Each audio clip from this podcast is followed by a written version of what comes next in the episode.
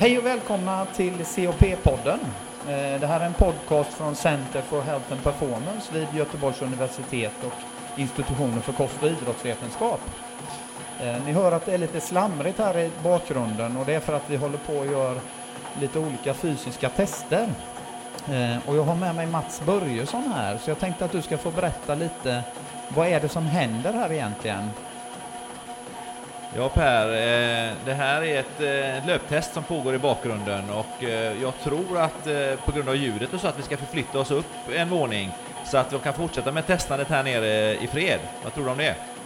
Ja, det tycker jag nog att vi ska göra. Vi låter Daniel springa på och sen så bryter vi en kort stund och går upp och, och fortsätter våran podd. Jaha, då har vi bytt, bytt plats. Nu har vi flyttat in i ett litet rum. Eh, jag skulle vilja säga att det faktiskt är ett jättelitet rum. Det är väl de här ljudnördarna som, som lurar in oss här för att det ska bli, låta bättre och bli en bättre inspelning. Eh, du lyssnar på, på Per Zetterberg som jobbar här på COP på Center for Health and Performance och jag har ju fortfarande med mig Mats Börjesson. Och jag tänker Mats att folk kanske är lite nyfikna på vem du är. Ja, eh, jag är professor i idrottsfysiologi på Sahlgrenska akademin och placerad här som föreståndare på, på CHP. Eh, jag har också klinisk tjänst som, som jobbar som hjärtläkare på Östra sjukhuset. Men det, är den, det är den formella delen där, men du har ju så himla mycket järn i elden. Du får berätta lite mer. Ja, alltså här tillbringar jag mycket tid under, med forskning och undervisning här på COP då, men, men förutom det så har jag jobbat eh, i över 20 år på elitnivå med, som lagläkare då med, inom fotbollen. Både med, med Gais, jag tror det är 22 säsongen som ska starta här nu och eh, med damlandslaget sen 10 Hur går det för Gais? Det går väl upp och ner för Gais. Eh, det, är, det är som nu vanligt ska det gå uppåt igen. Ja, ja. ja. Vi, vi, vi är ju på COP som, som vi sa här eh, och det ligger mitt i Göteborg. Det ligger ju mitt emellan Skandinavium och Ullevi. Perfekt eh, läge skulle jag säga på idrottsstråket här. Vi är väldigt glada för den här positionen och vi känner oss som en del i, i stråket mellan Ullevi och bort mot Skandinavium och Mässan. Och, och det gäller både utbildningsaktiviteter då, eh, och, och idrottsfeelingen så att säga. Mm. Eh, det här är ju vår första, första podd, det här är ju första avsnittet. Eh, så vad är det egentligen vi vill med, med hela den här podden då? Vi har ju tänkt att det här ska bli lite av en serie. Alltså vi, vi tycker att det finns ett fantastiskt intresse för de här ämnena ute, ute i samhället. Så att säga. Det, det, här är, det här rör människor när det gäller allt ifrån eh, vad man ska äta och, och, hur man ska träna och vad som är hälsonyttigt och så vidare. Eh, det är också ett område där det finns väldigt mycket trender och myter. Eh, det kan man ju se när man läser vilken, vilken tidning som helst så, så ser man att det, det är nyheter på det här området hela tiden. Och ett av, våra, ett av våra ansvarsområden, förutom att göra egen forskning så att säga, eh, för hälso och sjukvården och för, för, för andra så, så, är det ju faktiskt att det ska komma patienterna till nytta. Men det är även så att vi, vi har ett, ett, ett uppdrag så att säga, ut mot befolkningen kan man säga. Att, att faktiskt förmedla kunskaper om, om eh, saker som att mäta aktivitet på rätt sätt och så vidare. Det är ju ett stort område idag till exempel. Då får vi får hoppas att folk fortsätter lyssna på Absolut. oss då så att vi får, får, får ut det här budskapet. Det, det är ju det här med, med, som jag tolkar det här nu, att vi vill ju lite visa vad det är man egentligen vet och vad forskningen säger så att man har lite substans bakom, bakom de här trenderna och det som, som finns. Eh, i, om man tittar på, på, på avsnittet idag så ska vi handla lite mer allmänt om fysisk, fysisk aktivitet och varför vi ska röra på oss och hur, hur vi gör det. Eh, men, men det här COP, jag, jag är lite nyfiken på att vi kanske ska bara berätta vad, vad gör man här på, på, på Center for Health and Performance egentligen? Ja, det är ju alltså eh, laboratoriet kan man säga för institutionen för kost och idrottsvetenskap. Och, eh, på det här laboratoriet så, så, mäter vi fysiska prestationer. Men vi kan också... Det var det vi lyssnade på precis i början. Det, precis, det pågick ju nu tester då med, med löptest och det vi hörde i bakgrunden att någon som sprang där. Ehm, så vi gör olika tester, kan man säga, fysiska tester. Ehm, men vi gör också tester när det gäller kost och nutrition. Eh, och vi kan göra egna studier eh, och studera med, med, med försökspersoner här så att säga. Eh, så att laboratoriet är ju ett, ett modernt utrustat laboratorium både för konditionstester, olika mm. former. Det är för biomekaniska tester, det vill säga löpteknik och kanske skor och så vidare. Och det är också för styrka. Men, men allt detta syftar inte bara till performance. Det är liksom prestationsdelen i det hela utan vi är också riktade mot hälsodelen. Då. Mm. Och där, eh, det ska täcka, täcka egentligen allt från folkhälsa till elitsatsande. Då. Precis så är det. Och, och, och, jag har sett här också att när man jobbar mycket med att ta fram, eh, göra, göra tester av material och, och, och göra de delarna också. Eh, har, du några, har du några färska exempel på någon, någon forskning och studie som, som du känner händer händer här just nu? Ja, alltså det sker ju eh, på ett stort projekt eh, avseende korsband där vi eh, är med och, och studerar patienter som har, som har fått en korsbandsskada i deras rehabilitering och, och tittar på olika saker i samband med det. Det finns också ett annat projekt som är kopplat till stress där eh, personer som är eh, vad menat otränade då ska, ska fysiskt träna och, och, så mäter man om deras stresskänslighet minskar kan man säga. Mm. Stressreaktionen. Och det är väldigt spännande, stor samhällsintresse. Och sen är vi också med i stora epidemiologiska studier när det gäller samband mellan fysisk aktivitet och mätningar och folkhälsa. Då. Ja. Till exempel SCAPI-studien. För, för det här är ju väldigt spännande om, om, man, om man tänker på fysisk aktivitet och tänker på hur, hur vårt ursprung ser ut egentligen. Om man, om man tänker sig att vi började som jägare och samlare och sen blev vi jordbrukare och sen så kom industrialismen och, och sen, sen hade vi bara lite kort tid tillbaka, 60-70-tal och nutid. Vad, vad är det som händer egentligen med, med den fysiska aktiviteten och oss människor? Ja, först och främst eh, hälsomässigt så har vi ju säkerligen under lång, eh, flera av de här perioderna du, du pratar om fram till eh, nu i alla fall blivit friskare då. Vi har ju blivit längre eh, än, vad, än vi var bara för 200 år sedan. Eh, och så vidare som ett tecken på att vi har bättre nutrition och, och, och kostintag. Att vi, eh, att vi inte har bristsjukdomar på samma sätt och eh, eh, att vi kanske inte har samma infektionssjukdomar och så vidare.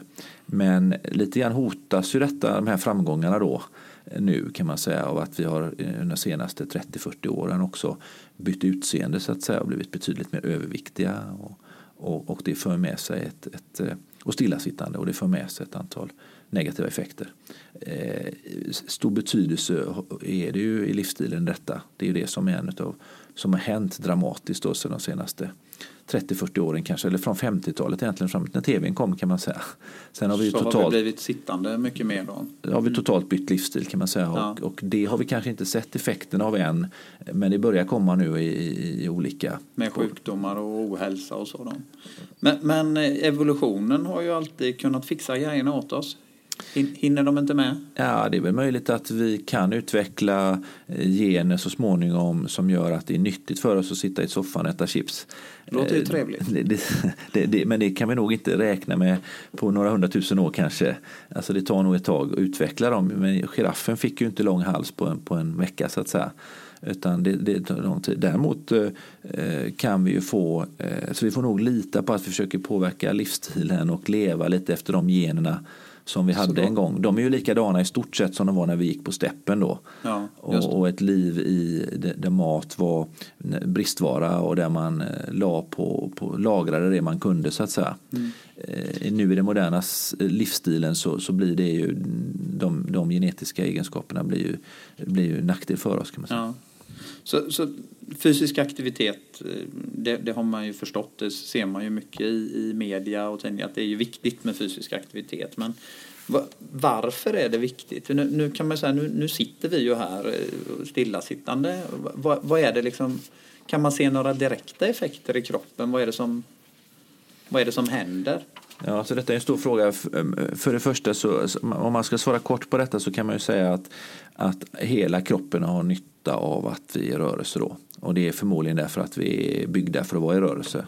Vi är liksom konstruerade med, med eh, två ben och två lungor och så vidare för att vara, vara en, en, en maskin, om ni uttryck, mm. liksom, ursäkta uttrycket, då, i rörelse. Mm. Och, och, ser vi oss så att vi är byggda för det då, då eh, apropå vi pratade om generna alldeles nyss här, så, så tror jag att vi kommer rätt i de flesta frågor. Då kan vi ta förnuftiga beslut. Mm. Eh, så, så att svaret är ju att det är nyttigt för hela kroppen då. Och därför blir det inte heller konstigt att det är nyttigt för alla organ. Nej. Inklusive huden så att säga. Så att det, det, det, det är bra för oss och då är det också inte bra att sitta stilla. Nej. Det är det korta svaret. Sen kan man ju titta på varje organsystem för sig. Ja, då. Ja. Men för om man gör, om man gör det då, för det, när, när du pratar här om, om fysisk aktivitet så, så får man ju intrycket att det har ju effekter på hela kroppen. Men, men om du skulle vara lite mer specifik då, vad, vad är det som händer för i hjärta och kärl Mm. Alltså det är hjärta och kärlsjukdom är ju det som man oftast pratar om när man pratar fysisk aktivitet och, och nytt, hälsonyttan. Eh, och man vet eh, att, att människor som är fysiskt aktiva har både minskad risk för sjuklighet i de här sjukdomarna och hjärt-kärlsjukdomar. Då pratar vi om sånt som leder till hjärtinfarkt, eh, åderförkalkning men också hjärnan som leder till stroke. Då. Mm. Och det är ju två av de största orsakerna till... Det är det vi brukar kalla för livsstilssjukdomar lite så också. Ja, och, och där är den stora effekten. Alltså där har man en, en betydande minskad risk för att få de här sjukdomarna men också för att dö i dem. Då. Men, men vad är det mer specifikt som händer så att säga? Alltså det påverkar ju flera saker i det här förloppet men det påverkar riskfaktorerna för att få de här sjukdomarna. Till exempel sänker det blodtrycket om man är fysiskt aktiv. Det minskar blodfetterna, det minskar risken för övervikt. Och blodfetterna, då minskar det den här eh, åderförkalkning? Eh, ja, alla de här riskfaktorerna som blodtryck, eh, kolesterol, eh, midjeomfång, övervikt och så vidare. Eh, sockerbalans, eh, minskar risk för diabetes. Alla de här mm. är ju riskfaktorer för att utveckla hjärt-kärlsjukdom och förkalkning. Mm. Så att genom att påverka dem, det är det ena. Men sen har man också direkteffekter på, på kärlen till exempel som reagerar sundare eh, och stresskänslighet och massa mm. saker. Men det är ju inte bara, och hjärta-kärl är en av de absolut viktigaste Ja men det finns ju fler. Vi, vi, har, vi har ett annat organ som sitter lite högre upp på kroppen. Och jag, jag läste någonstans att om, om man är fysiskt aktiv så får man fler kopplingar mellan, eh, mellan sina hjärnceller. Ja, alltså eh, det har många effekter på, på, på, på hjärnan. Både det som vi nämnde nyss då, att det minskar risk för skada på hjärnan genom att kärlen som förser hjärnan kanske är friskare.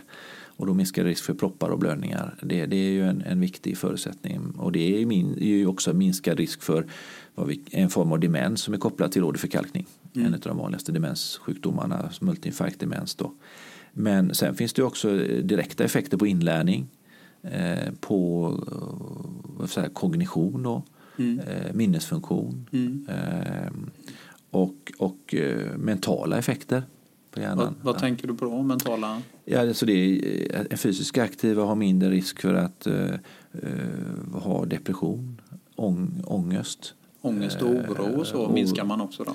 risken för, alltså det finns en koppling mellan de som är aktiva och har mindre besvär av de här minskar, minskar risk för stressrelaterad ohälsa. Så att mycket av detta sitter ju i, i, i, i kopplat till våran hjärna, eller hur? Ja. Och cancer har jag också läst någonstans att man har effekter av fysisk aktivitet. Ja, det finns en koppling mellan eh, ökad fysisk aktivitet och minskad risk för att få cancer i olika former. Det varierar lite mellan olika cancerformer. Ja. Eh, och lite grann är det vissa cancerformer är mer kopplade till livsstil. Till exempel tjocktarmscancer är ju mer kopplat till övervikt ja. eh, och stillasittande. Eh, så där är en väldigt tydlig koppling till exempel. Och, och immunförsvar? Man tänker att man, man inte vill bli förkyld eller man vill inte bli sjuk så ofta. Det är, det är ju så också då att de som rör sig regelbundet har ett bättre immunförsvar och minskad risk för infektioner på, på, på, på sikt. Och man kan tycka att elitidrottarna de är förkylda hela tiden eh, inom citat då, men eh, det är väl det att de är mer känsliga för det minsta lilla påverkan på så att de, de ofta står över tävlingar så om de har en infektion och det ska de göra. Eh, men, men som, generellt har de ju ett bättre immunförsvar mm. om man är tränare än om man inte mm. har det. Så att, eh, eh, det tror jag också. och, och, muskler och skelett. Jag tänker lite, man kanske kan koppla det till ålderdom och sådär. Så att man orkar vara aktiv när man är äldre. Hur, hur viktigt är den fysiska aktiviteten att hålla igång hela livet? Ja, så att säga? Vi brukar skilja på två typer av huvudtyper av aktivitet. Även om, eh, och detta är, det är konditionsträning säger vi då, eller konditionsgivande aktiviteter och, och styrketräning. Då, eller, även om de flesta aktiviteter vi ägnar oss åt är ju en kombination. Då. Mm. Så när du och jag spelar innebandy här nere så är det, så är det en blandning då mellan mellan eh, styrka och kondition, kanske mest kondition i och för sig. Ja. Men, men oftast med, på gymmet eller olika övningar man gör så är det ju en blandning då. Mm. Men eh, i sin rena form så, så styrketräning får ju allt större betydelse med åren kan man säga därför att den har eh, andra effekter som delvis är skilda från konditionsträningen. Eh, och eh, man tappar ju muskulatur efter 50 års ålder. Så mellan 50 och 70 år kanske man tappar 50 procent av sin muskelmassa. Mm. Då får ju styrketräningen allt större betydelse. Då kan, man, då kan man bibehålla, man kan bromsa man kan tappet? bromsa tappet, absolut. Man är träningsbar eh, långt efter 50 år. Så anledningen till att man tappar efter 50 är att man är inaktiv. Mm. Inte tillräckligt aktiv. Är man aktiv så tappar man mycket mindre mm. än så. Mm. Så att det finns kopplingar då mellan styrketräning och eh, fysisk aktivitet och både muskelmassa men också bentäthet. Ja. Och där kanske det handlar om hur man är aktiv tidigt i livet. Och undvika att, att höftfrakturer och senare i livet. Då, då. Men, då. men bentäthet kan man ju påverka både i sin aktiv, har man ju visat i skolprojekt eller, ja. eller till i ungdomsåren och inte minst viktigt för, för, för tjejerna. Då. Just det. Eh, så det har ju också effekter. Hur, hur, hur, är det med, med stress då? Eh, det, det, har man ju hört om, att de här effekterna som vi pratar om på kroppen och sådär. Att, att, eh, men om man är stressad så har man ju mm. negativa effekter på hjärt-kärl och man har det på, på immunförsvar och, och alltihopa. Ja. Så, så är, är, det farligt, är det farligt att stressa? Det eh, verkar det, vara farligt för hela kroppen. Ja, alltså stress är en riskfaktor eh, som är kopplad ihop med hjärt-kärlsjukdom. Och det intressanta är ju det då att, att eh, då vet man att människor som, eh, som anger mer stress än andra anger också eller har mer utav eh, de flesta av de här riskfaktorerna eller ökar risk för att ha dem i alla fall. Mm. Allt ifrån det som vi nämnde nyss med kärlsjukdom, allt ifrån högt blodtryck till, till ökat mm. bukomfång till Stress. ökade kolesterolvärden så, och så. Så man brukar säga så här, stressar man så blir man sjuk? Ja, alltså, det, det, är kopplat till, till en ökad risk, så är det. va. Mm. Och eh, det intressanta är ju hur, det varför jag säger kopplat och är lite försiktig här, det är att hur, hur, hur medieras, säger man då, alltså hur, hur är stress farligt då? Och då har man sagt att jo, men det ökar ju de här riskfaktorerna. Och det är ju ett sätt, bland annat, då, som, mm. som det ökar risken. Och då är det intressant då att, att då har vi sett precis nu och som har precis publicerat bara för någon månad sedan här ju en artikel där vi har eh, studier som, som vi har genomfört här i Göteborg tillsammans med Institutet för stressmedicin och Sahlgrenska akademin. Att vi har tittat på eh, just om de här eh, stressen är kopplad till riskfaktorer och hur inverkan av, av kondition. Och då visar det sig att de som har, det här gäller, det här sambandet mellan stress och ökade riskfaktorer gäller för de som är otränade. Men det, det gäller inte alls på samma sätt för de som är tränade och har en god kondition. Då. Och detta är ju jätteintressant därför att eh, då är ju en god kondition skyddande eh, mot negativa effekter av stress. Så man kan nästan säga att om, om du är fysiskt aktiv så vaccinerar du dig mot de negativa effekterna av stressen? Då? Ja, det har i alla fall en minskande...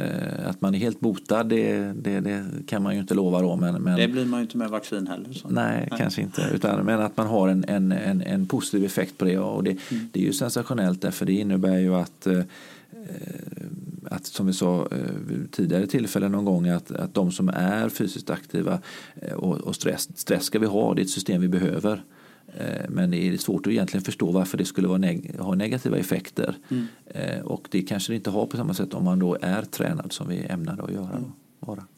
Hur, hur, hur, men om man nu sätter igång här och, och, och rör på sig så, hur, hur, hur, snabbt får man effekt av det då? Om man skulle ta det lite, lite kort så att säga. Ta, Tar det en vecka eller en månad eller ett år innan jag får några positiva effekter av att röra på mig? Ja, det tråkiga svaret är ju, eller det som är bra på ett sätt kan man säga att det, du har ju effekter direkt och du har eh, effekter på lång, lång sikt och du kanske till och med har effekt på framtida generationer. Att, även på framtida generationer? Alltså du får ju effekter direkt när du, när du eh, på blodtryck och direkt när du liksom går ifrån stillasittande till att du gör någonting. Ja. Och sen sitter det i ett antal timmar. Du får effekt väldigt snabbt på sockerläge till exempel.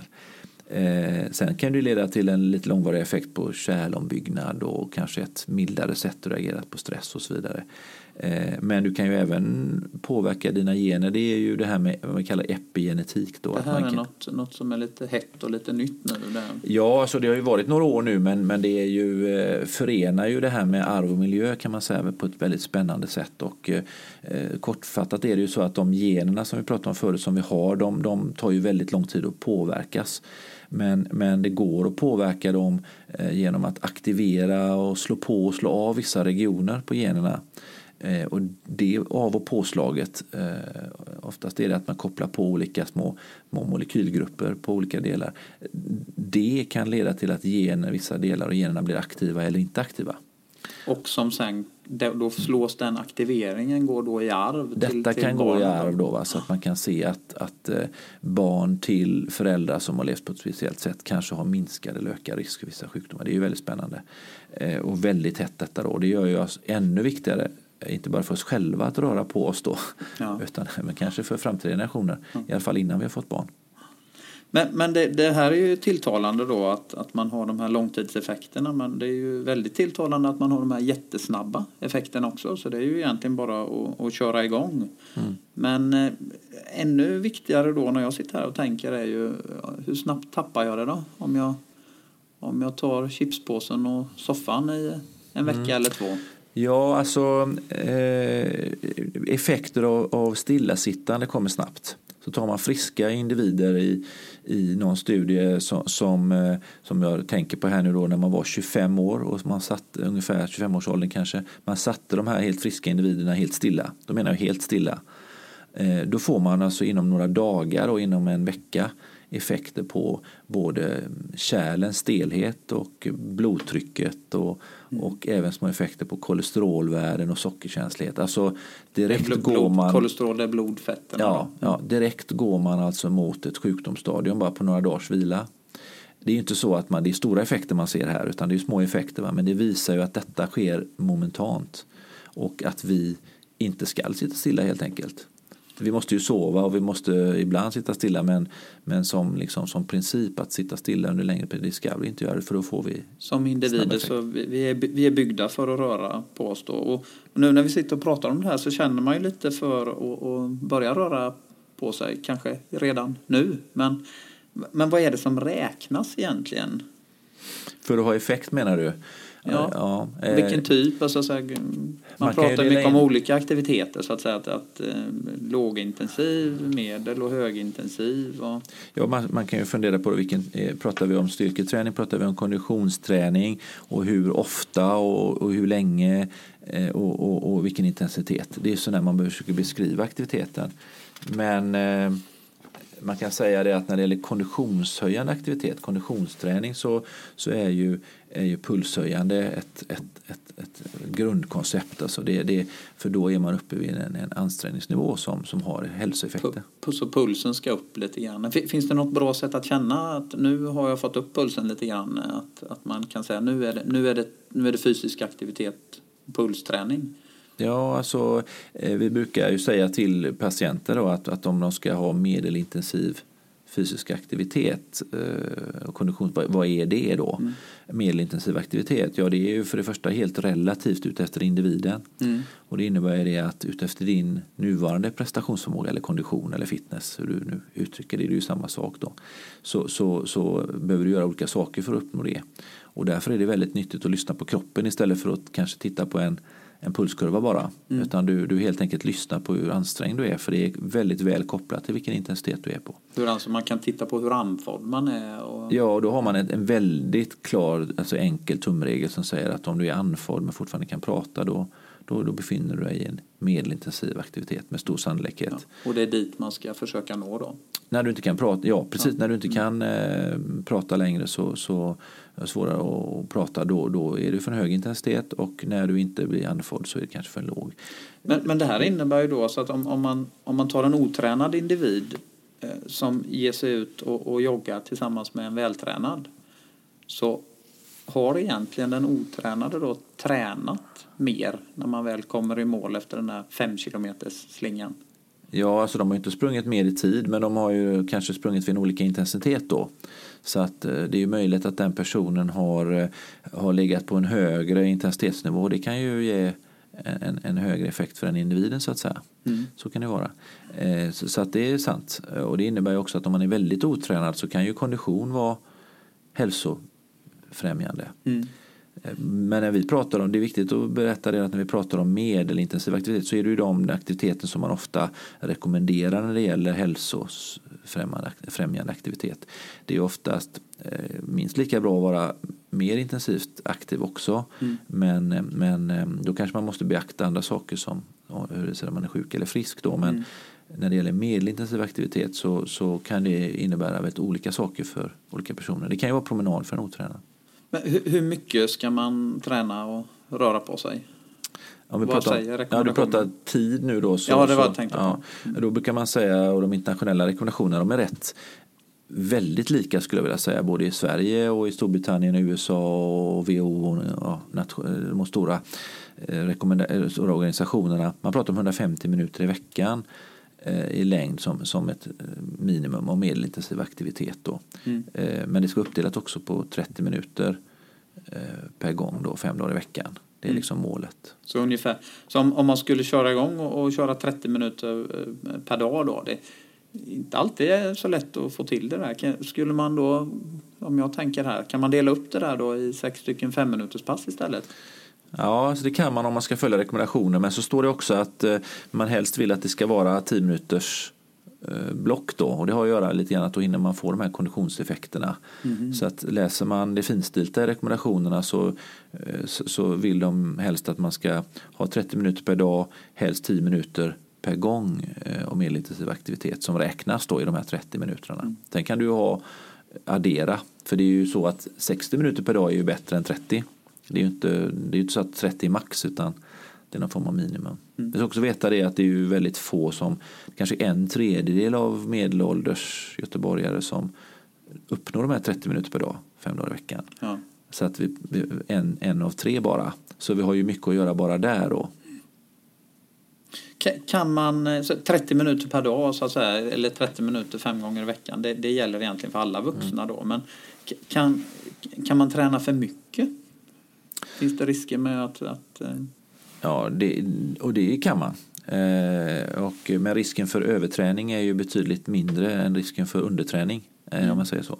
Eh, så att eh, det är ju väldigt många som kan öka sin aktivitet och väldigt få som skulle riskera någonting med att öka den om du förstår vad jag menar. Det är mm. väldigt få som ligger på den nivån. Men det finns ju de som tränar väldigt mycket och man kan då antingen kan man vad man kallar överträning. Mm. Eh, och det handlar ju mest om elitidrottare kanske på typfallet kanske är något på elitidrottsgymnasiet som tränar både i skolan och med klubben och dessutom ska plugga hårt. Mm.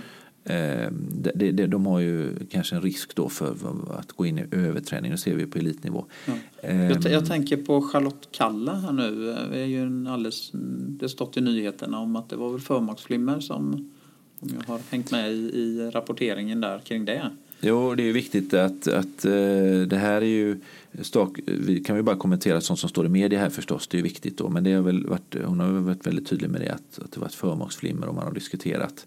Eh, och uh, man kan säga att just förmaksflimmer är någonting som är en av de, eh, om man har tusen positiva effekter av fysisk aktivitet så kan man vid extrem fysisk aktivitet ha en ökad risk för, för två stycken saker på lång sikt egentligen. Det ena är ledbesvär, alltså man ser att de här exidrottare och idrottare på hög nivå. Eh, de kan ha lite mer ledbesvär eh, av olika anledningar på äldre dagar. Men de kan också ha ökad risk för förmaksflimmer. Då. Och det beror på att hjärtat växer till i storlek. Eh, och oavsett om man fortsätter träna eller slutar träna. Och slutar man träna så går det tillbaka lite i storlek Eh, vilket är helt, eh, alltså det ska vara stort därför att det är anpassning till träning och det kallar man ju idrottshjärta och är mm. superfriskt att ha. Mm. Men det, det, stora hjärtat kan medföra att man får lättare får en ryggtrubbning som heter förmaksflimmer. Men det är ehm, inget som vi som, som gemene man som tränar ska tänka på? Väldigt liten risk. Eh, snarare är det så att om man som gemene man ökar sin aktivitet och eh, går ner i vikt och, och eh, däremot kanske påverkar sitt blodtryck och, och så vidare och aktivitetsnivån ökar så, så minskar risken, då minimerar man risken för att få förmaksflimmer. Mm. Eh, så, så, för de allra flesta, eh, säg 98 procent av oss, så skulle ökad aktivitet ge minskad flimmerrisk. Men för några få då, på elitnivå så kan man få en ökad risk för flimmer. Eh, framförallt på grund av det här stora hjärtat inte går tillbaka riktigt fullt ut när man slutar. Så är det. Men, men, när ska man inte träna då? Det, det har jag tyckt är lite svårt det här man tänker så här, okej okay, jag känner mig lite snuvig, jag har lite halsont. Eh, när, när så att säga, finns det någon ja, bra man, regel här? Alltså de flesta, nästan alla skulle jag påstå kan träna på grund av vilken, vilken bakomliggande alltså, sjukdom man har. Ehm, det, det, går alltid att hitta oavsett om man har några eh, olika former av hjärtfel eller andra sjukdomar så kan man alltid hitta någon träning som passar. Och, och till hjälp där har vi ju Fysboken som, som nu kommer ut i en ny upplaga här i, i, i månaden där man kan liksom hitta det. Det finns ju vissa kontraindikationer. Men, men jag tror du tänker på mer akuta infektioner och så. Och där kan det ju vara så att grundregeln där, när man har en inf akut infektion, är att man inte tränar under pågående infektion. Mm. Eh, det har ju att man får inte samma träningseffekt, man får eh, ökad risk för skador och eh, förlängd infektion men också kanske mer allvarliga komplikationer. Så att det, är en grundregel att inte träna under pågående så då ska man vila med snuva och halsont och sådär. Då ska man egentligen pausa då, tills då, man känner sig pigg igen. Då ska man eh, försöka avstå till man har eh, hämtat sig från infektionen. Ja. Mm. Det, här på CP så forskar man ju väldigt mycket på det här med fysisk aktivitet. Då, men men hur, hur, hur mäter man om, om, om man är fysiskt aktiv eller inte? Ja, det är en jättestor fråga idag eh, därför att vi har ju börjat bli så intresserade av detta.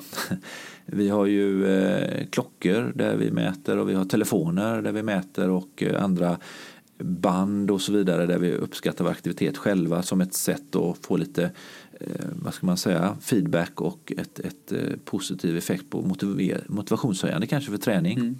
Mm. Eh, när vi, I forskningen så, så, funkar ju inte de här metoderna än så länge. De är inte tillräckligt exakta då.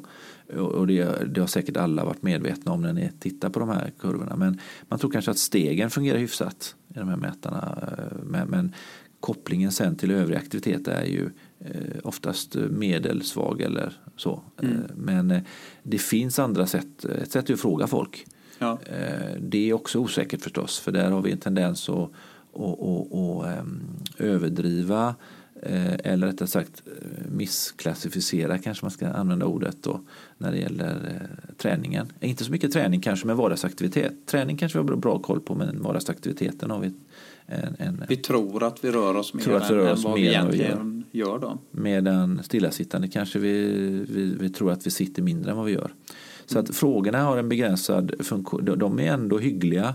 Eh, men, men det finns mm, bättre metoder i form av mer vetenskapligt utprövade stegräknare. Mm. Men också mer avancerade stegräknare, så kallade accelerometrar där man kan få reda på både stillasittande tid och tid i låg och medel och högintensiv aktivitet. Då. Mm. Och det använder vi i forskningen idag. De blir allt mindre och enklare de här.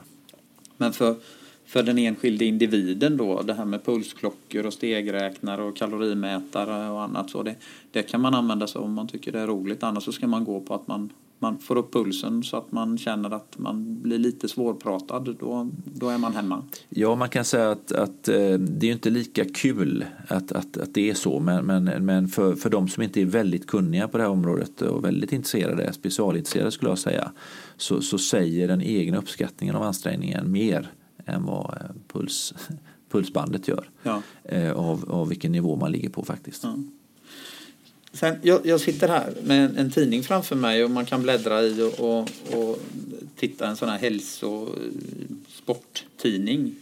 Och, och då står det här då att jag ska äta raw food och jag ska ha speciella kläder på mig för olika aktiviteter och sen kommer pulsmätare och och GPSer och, och sådär. Hur, alltså hur ska man tänka här egentligen? Ska man, ska man satsa på de här grejerna eller vad? Ja, men det får man väl göra om man vill. Eh, så att, eh, men det är ju ingen materialsport det här med fysisk aktivitet utan det är ju, eh, man behöver ju ingenting egentligen för att röra på sig. Trikå, trikåerna ska väl ändå vara på? Ja, alltså hjärtat märker ju inte det om trikåerna är på eller av. Så att det, det, det, är inte ens viktigt. Men man får väl gärna ha det om man vill då. Men, men när det gäller effekter, alltså hälsoeffekter och fysisk aktivitet, man ska nog skilja det från andra effekter när det gäller hälsoeffekter och fysisk aktivitet så pratar vi om, om att vara fysiskt aktiv och inte sitta stilla och, och, och, och så vidare. Eh, och då behövs man ju inget av detta egentligen. Men sen är det ju roligt eh, för de som är intresserade, för det är motivationshöjande, det är spännande, det är kul. Eh, och även mer extrem aktivitet har ju blivit allt populärare. och det är ju inget fel i det. Men det har inget med hälsa att göra. Utan det är ju liksom hälsoeffekterna får man ju innan så att säga. Mm. Så att det, det har ju, eh, detta är ju något annat då än, än hälsodelen. Utan det, det, idag står det ju närmast i CV att man tränar. Va? Och det, det, det är ju där det, är där det ligger så att säga, de här mm. mer extrema varianterna.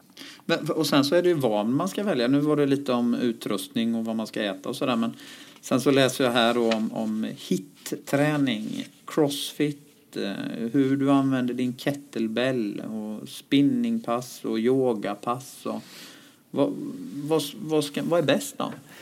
Ja, alltså, vad är målet? Ska jag säga då? Vad, vad vill du? Eh, vill du träna vissa muskelgrupper eller gillar du viss, alltså, Är det så att, att spinning är ditt som du älskar att cykla och tycker att det är spännande att vara med, då ska du förstås spinna då. Eh, är det crossfit som, som du tycker är ditt sätt att få dig igång så, så, så, så är, ska du göra det. Jag tror att, att de tjänar ett syfte alla de här metoderna för det kommer ju nya hela tiden också. Eh, det måste ju vara det att det, det är ju svårt att ändra livsstil, det är svårt att bibehålla. Så att kan de här metoderna hjälpa till att få oss aktiva och hålla intresset och tycka att det är spännande så är det ju jättebra då. Men, men rent liksom hälsomässigt så är det viktigt att man bara rör på sig. Ju. Och sen, då brukar jag säga att du väljer det som gör att du är aktiv. Sen kan det vara vad som helst, om det är innebandy eller promenad eller simning. Det, det kanske har mindre betydelse. Mm. Så, att, eh, så det, det, är puls, det är pulsen som är viktig? Pulsen är det viktigaste när det gäller konditionsträning. Mm. Eh, absolut, men, men då har vi det här med styrketräning också. Ja. Nu, nu sitter vi ju ner här när vi, vi gör den här inspelningen och jag tänker att många som lyssnar på oss de kanske också sitter ner. Vad händer om vi skulle börja med stå upp? Stå upp när vi jobbar och det finns ju många sådana här bord nu idag som man kan höja och sänka och sådär. Ja, det händer saker direkt kan man säga. Eh, att, att, eh, det är klart att fortfarande så är det väldigt viktigt alltså att de, det har stor betydelse med kondition till exempel, att aktivitet som leder till kondition. Eh, men hur mindre tränad man är desto större betydelse har det att gå ifrån stillasittande till att göra någonting. Mm. Och skulle man se det på hela svenska folket så är det de största effekterna vi får där. Så redan när man ställer sig upp eh, så, så kommer man ju att ha en tendens att röra sig mer. Alltså att gå ifrån stillasittande till att röra på sig, det är det stora. Mm. Eh, och det är inte, oftast är det stillasittande som byts ut mot lågintensiv aktivitet. Det ligger ju lägre än det vi sa nyss då, men även det har effekter. Speciellt om man är överviktig och stillasittande så, så har det stor betydelse. Mm. Eh, träningsmängden vill man förstås addera men, men, men gå från stillasittande till att göra någonting har effekt. Mm. Bara man ställer sig upp direkt så, så även från stillasittande till stående så händer ju saker. Du behöver aktivera muskler för att inte ramla ihop i en hög. Ja. Och det gör, bara det gör att du får igång processer i muskulaturen och så vidare som, mm. som påverkar insulinkänslighet och, och så vidare. Eh, sockerbalansen och, och, andra saker också faktiskt. Så att eh, även om det viktigaste är att gå ifrån stillasittande till rörelse. Även bryta stillasittandet genom att ställa sig upp regelbundet, kanske en gång i halvtimmen. Vi vet inte exakt hur ofta men vi tror en mm. gång i halvtimmen. Eh, har effekt över dagen Eh, jämfört med att sitta på det här mötet i sex timmar. Så pauser är viktiga också då? Hur, hur, Breaks är bra. Ja, hur, hur ska man tänka? Alltså, om man nu har lite svårt för att komma igång och, och bli fysiskt aktiv, kan man få hjälp någonstans? Ja, alltså har man eh, eh, någon form av tillstånd eller sjukdom så att säga, och det har de flesta av oss någonting. Eh, har vi inte övervikt eller högt blodtryck eller stress eller lite eh, på någon, no, någonting så att säga så, så, så eh, det många av oss har det så finns ju möjligheten att, att anlita och titta på FYS man kan få hjälp i sjukvården med detta men det finns också en Fys patientversion. Fysisk aktivitet på, på recept, på kan man säga och boken ja. FYS kan hjälpa till. Den finns ju i patientversion eh, för eh, har funnits i alla fall sedan lång tid tillbaka på apoteket och nu kommer ju en ny FYS för sjukvården, en ny bok och det gör att eh, man kan faktiskt fråga, prata med sin läkare då att, att man vill ha ett, ett recept på träning. Eh, därför att många har vi ju sån, det är jättemånga av oss har någonting att få ett recept på. Men sen så kan vi vara aktiva även om vi inte har någon sjukdom ju för att mm. förebygga. Så är det. Mm. Så, så vad, vad, vad blir vår, vår rekommendation egentligen? Nu har vi pratat om fysisk aktivitet och vi har pratat om vad som händer i kroppen och alla de här positiva effekterna. Så, mm. Vad ska man göra? Eh, det enklaste rådet är att säga rör dig mer än idag. Eh, alltså det, det, alla skulle ha effekt av att röra sig mer i stort sett då. Och det innebär att, att eh, även om du inte tränar du inte någonting alls så, så har du allra störst effekt. Liksom. Och det är väldigt många som befinner sig där. Eh, men även om du tränar idag så, så skulle du träna, vinna på att träna lite mer. Eh, och eh, med några få undantag då, som tränar extremt mycket så att säga, så skulle så, så rör dig mer än idag, det är en, en, en grundregel. Därför att det är dosrespons. Det är inte så att 30 minuter räcker, sen är det, utan 60 minuter är ännu bättre. Så, ja. så man skulle egentligen kunna säga att, att Sätt igång, rör dig och testa i eh, två veckor och se vad som händer så, så får man se om man känner att man mår bättre av det. Eh, vilket man egentligen borde känna på den kortare tiden också. Då. Ja, alltså eh, två veckor kanske är något kort men, men man kan säga det att, att skulle man börja eh, göra en sån enkel sak som att gå till arbetet på morgonen eh, eller ta trapporna istället för hissen eh, under några veckors tid, kanske någon månad eller två.